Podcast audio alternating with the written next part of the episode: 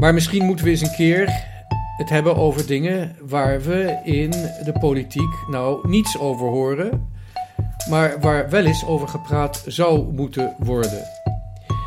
Hetzelfde geldt voor eigenlijk uh, de kerk. In deze podcast gaat Pater Elias op zoek naar wat echt is. Hij gaat de uitdaging aan om een zo helder mogelijk beeld te vormen van hoe de wereld in elkaar steekt. Dit is de Pater Podcast.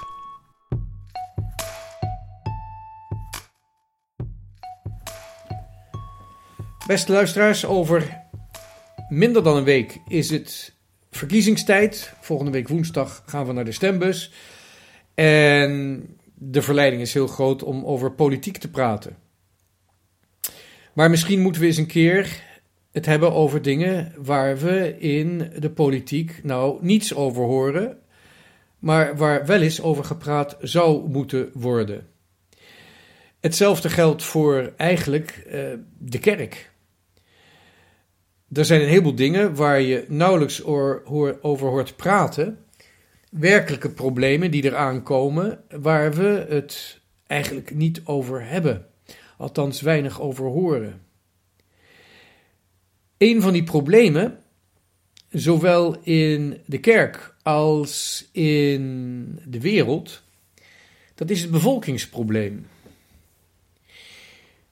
We krijgen namelijk, na jarenlang bang te zijn geweest voor overbevolking, krijgen we straks te maken met een onderbevolking, die op alle fronten een rol speelt, zowel in de kerk als in het land als in de wereld.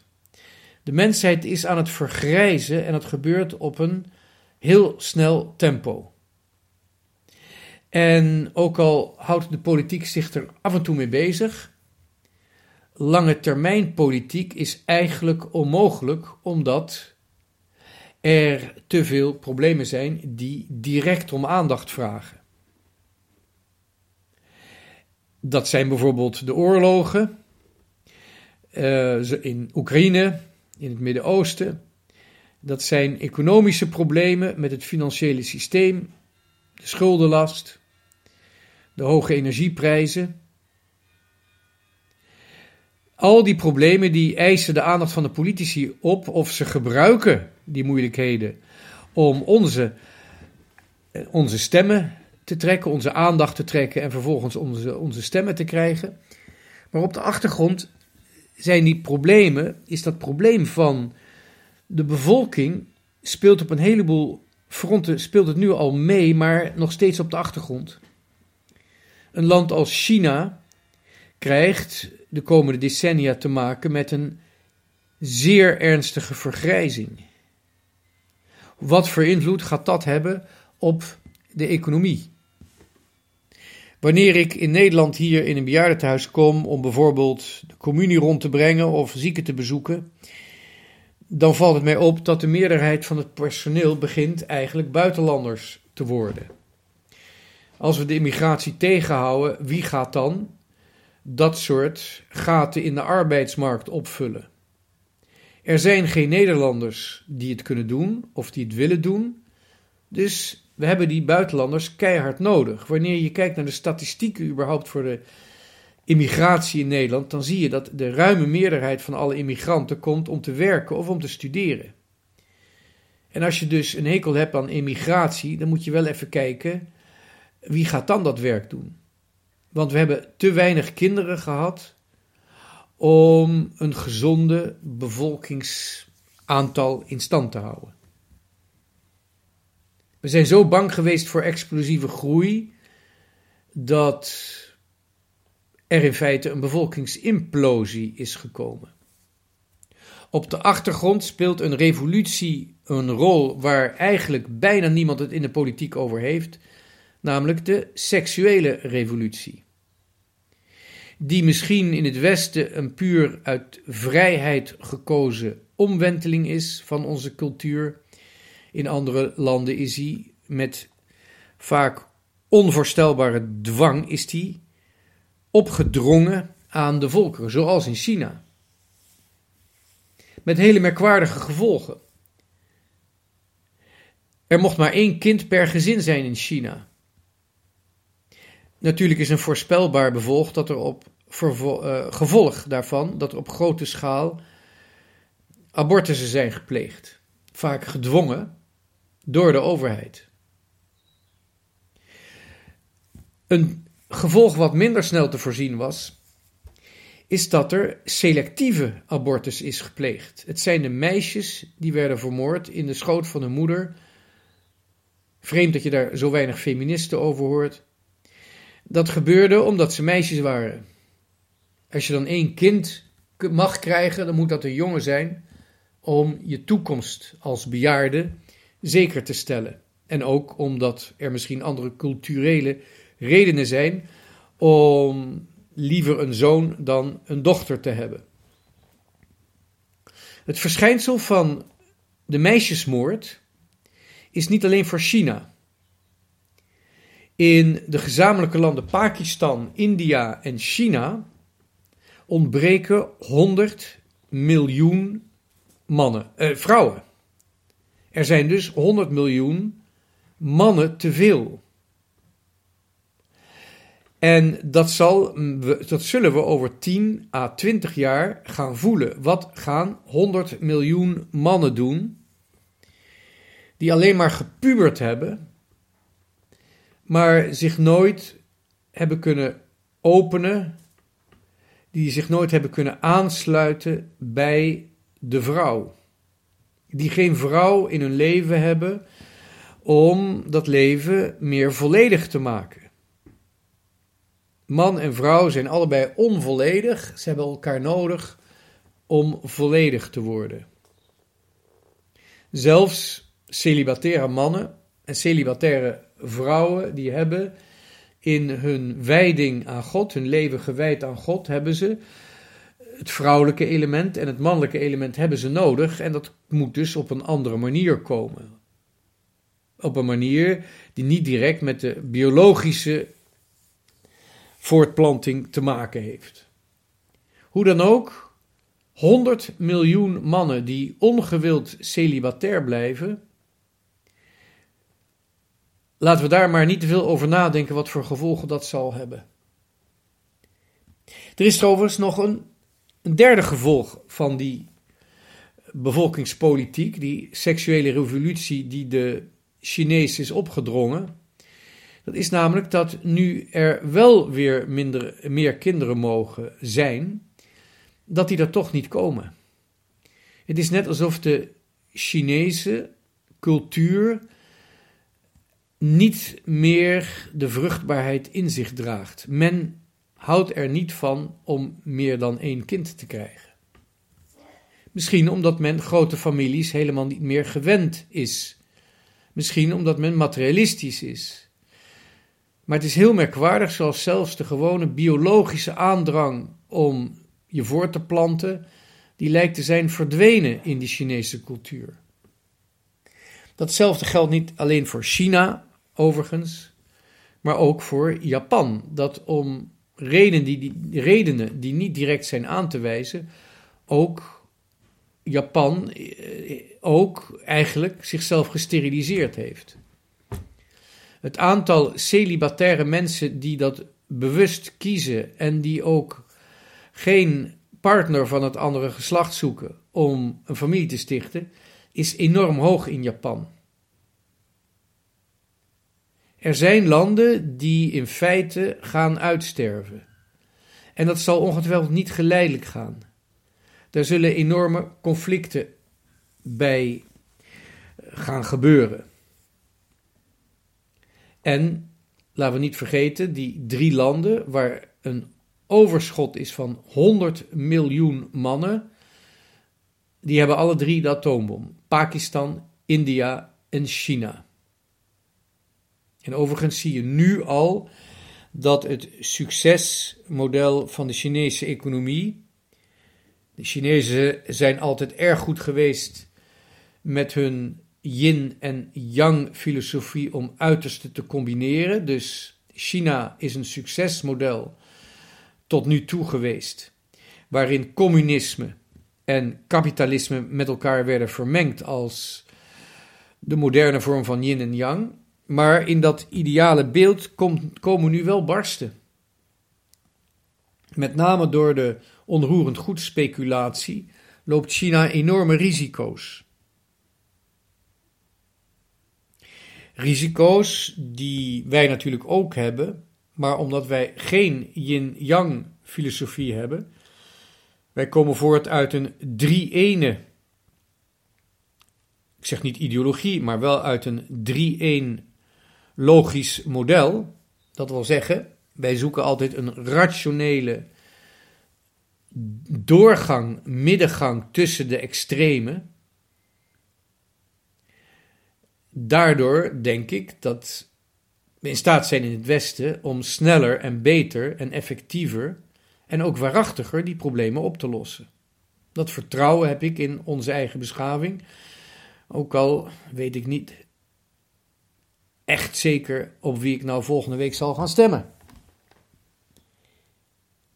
Het is een heel belangrijk aspect van onze samenleving om te zien hoe de manier waarop wij nu leven eigenlijk afkomstig is uit dat christelijke, ik zeg niet verleden, want dat is voorbij, maar wel tijdloze christelijke bronnen die nooit tot het verleden zullen gaan behoren, tenzij wij ze afwijzen. Als we ze niet afwijzen, zijn ze nu beschikbaar en we kunnen ons geloof, onze hoop en onze liefde kunnen we nog steeds putten uit die bronnen. En daarom kom ik dan bij een ander domein terecht waar een acuut bevolkingsprobleem bestaat. Dat is namelijk de kerk. En helaas hebben we in de kerk de problemen jarenlang, je zou kunnen zeggen, doodgezwegen of in termen verpakt, die geen mens 50 jaar geleden kon begrijpen. Zoals clustervorming, herorganisatie, herstructurering. Je ziet het ook in de kerken waar het altaar steeds verder naar voren is gehaald of verplaatst, zodat je niet merkt dat de kerk aan het leeglopen is. Er is een bevolkingsprobleem in de kerk. De meerderheid van de mensen is boven de 70 zijn dus ook net wat ouder dan ik. En komen uit een generatie die zijn jonge jaren, zijn actieve jaren heeft gehad. De jaren van ontdekken, de jaren van verkennen, de jaren van grenzen overschrijden. Dat was voor die generatie de zestiger jaren. Waar ik niet bij hoor. De leraren op mijn middelbare school, dat waren mij 68ers die eigenlijk al een beetje gefrustreerd probeerde te raken door een revolutie, een deconstructie van alles wat rechtvaardig en waarachtig en juist was. Alles moest betwijfeld worden. In die zestiger jaren van ongelimiteerde vrijheid, eigenlijk voortkomend vooral uit ongelimiteerde welvaart, daar begon de eerste bitterheid in te verschijnen. Ik kan me herinneren in die 70 jaren dat ik op de middelbare school zat, dat links zijn, dat wil zeggen PPR of PSP stemmen, of communist zijn, dat waren vooral bittere mensen. Er was iets fout gegaan in mei 68. Zij dachten dat het goed ging, maar het ging in feite fout. En dat begonnen ze te zien. Het lukte niet, de revolutie. De deconstructie van de westelijke ordening, de rationele ordening, die was niet gelukt. En het merkwaardige, opmerkelijke is dat vaak die generatie van boven de 70 nog in dat model zit. Ik voel me wat dat betreft af en toe, wanneer ik met bejaarden spreek van boven de 70, voel ik me eigenlijk nog steeds dezelfde puber uit de 70 jaren. Die bittere, liberaal linkse mensen tegenover zich heeft. En er dus ook om kan lachen. Ik, ik ben een beetje over mijn puberale, rebellerende leeftijd heen. Dat mag ook zo langzamerhand wel. Maar ik kan nog steeds om die bittere mei-68ers kan ik lachen. Alleen het is wel vervelend dat die mensen nou net de groep zijn die niet alleen nog de meerderheid in de kerk vormt, maar je zou ook kunnen zeggen die de enige groep is die over is in de kerk. Als je kijkt naar de gewone parochies, is de meerderheid van de mensen is boven de 70. En dat is helemaal niet erg, want ik ben straks ook 70. Daar gaan we allemaal gaan we daar naartoe. Maar wat het meest vreemde is dat ze nog steeds in die ideeën zitten van die 60er jaren. De mei-68ers zitten vaster in hun ideeën dan ik als jongen uit de 70er jaren nu nog vastzit. Het is net alsof in die 60er jaren het virus van mei 68, de maagdenhuisbezetting, dat is de meest succesvolle vorm van conservatisme geworden binnen het ruime palet van ideeën. Net zo goed als de Russische revolutie na de Russische revolutie de meest conservatieve, behoudende, tyrannieke beweging is geworden die Rusland ooit gekend had. Hetzelfde geldt in zekere zin ook voor China. Die hele deconstructie van maatschappijen en het ontkennen van de geschiedenis, het herschrijven van de geschiedenis, waar links altijd zo goed is geweest, dat is altijd geëindigd in bitterheid, maar ook in een soort van mentale en emotionele sclerose, waar de jongere generaties behoorlijk van last van kunnen hebben. En dat is eindeloos doorgegaan en het zal doorgaan tot het probleem zichzelf oplost. De oudste generatie die nu in de kerk zit, die zal uitsterven. Ze is steriel. Ze heeft, ook al is het in geestelijke zin, ook een enorm bevolkingsprobleem. En daarom hebben de kerken een ontvolkingsprobleem. En over het algemeen kan ik niet zeggen dat ik daar pessimistisch over ben. Als zij willen vast blijven zitten in die 60er jaren ideeën, waar in het verlengde daarvan de jongeren op school nu knettergek mee worden gemaakt,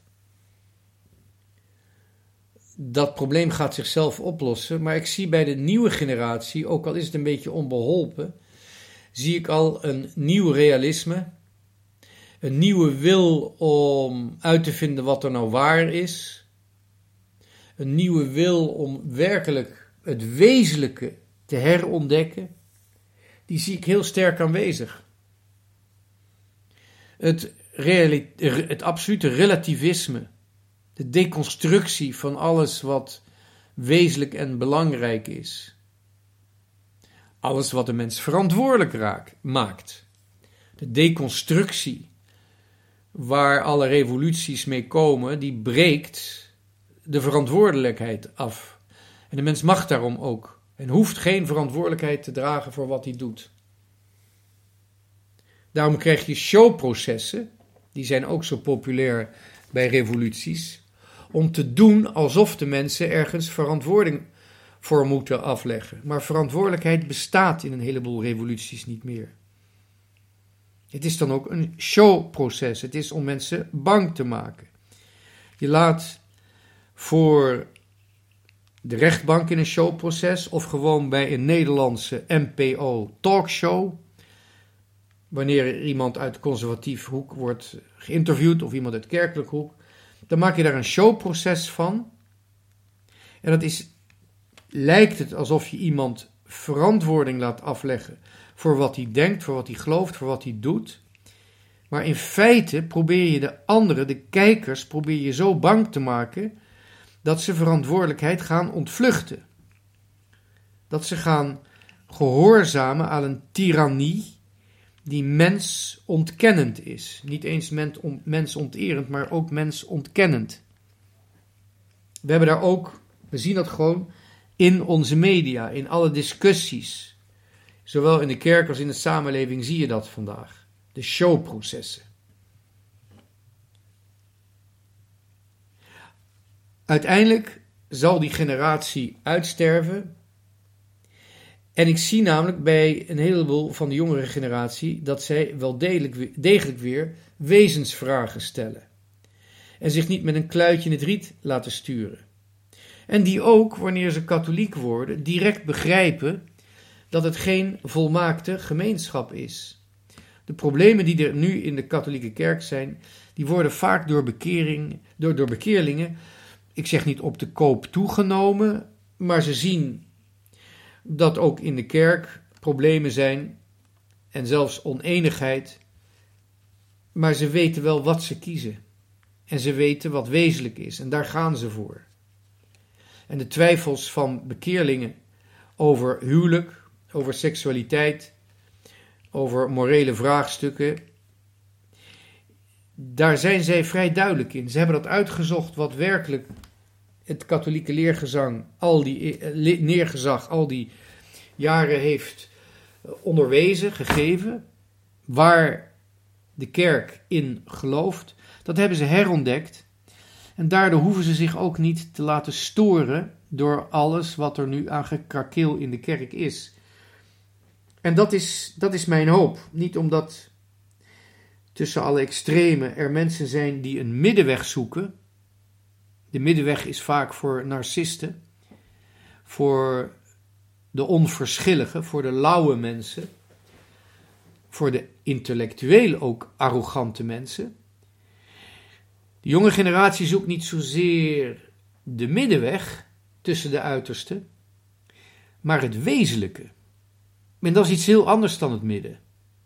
Het wezenlijke, het werkelijk belangrijke, ultieme, dat verheft ons echt boven die extreme.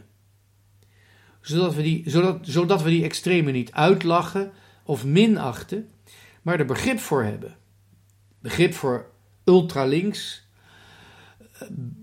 begrip voor extra rechts. Want in het extremisme zit altijd een verlangen naar radicaliteit. En echt radicaal beginnen we te worden door ons allereerst wezensvragen te stellen. Hoe kan ik aan het leven betekenis geven? Hoe kan ik aan zelfs mijn dood betekenis geven? En welke betekenis is er ooit bedoeld toen ik geschapen werd en omdat ik er nog niet was, kon ik er ook geen mening over geven. Ik kon er niet bij zijn. Ik kon nog geen keuzes maken. Wat was de bedoeling toen mijn ziel werd geschapen, mijn geestelijke ziel, in een mannelijk of vrouwelijk lichaam, in het verborgene, in het geheim in het mysterie van een vrouwelijk lichaam, waar alle mensen hun eerste weken en maanden doorbrengen. Als we die wezensvragen durven te stellen en niet ontwijken, dan vinden we werkelijk een leven en zelfs een sterven dat de moeite waard is. Helaas hoor ik heel weinig van die wezenlijke vragen en ultieme vragen in de politiek. En daarom wordt het heel erg lastig om tussen die politici, politici mensen te vinden die zich aan hun principes houden, die helder zijn over de uitgangspunten en daar conclusies uit trekken en uiteindelijk verantwoording voor durven af te leggen. Bedankt voor het luisteren. Tot de volgende keer.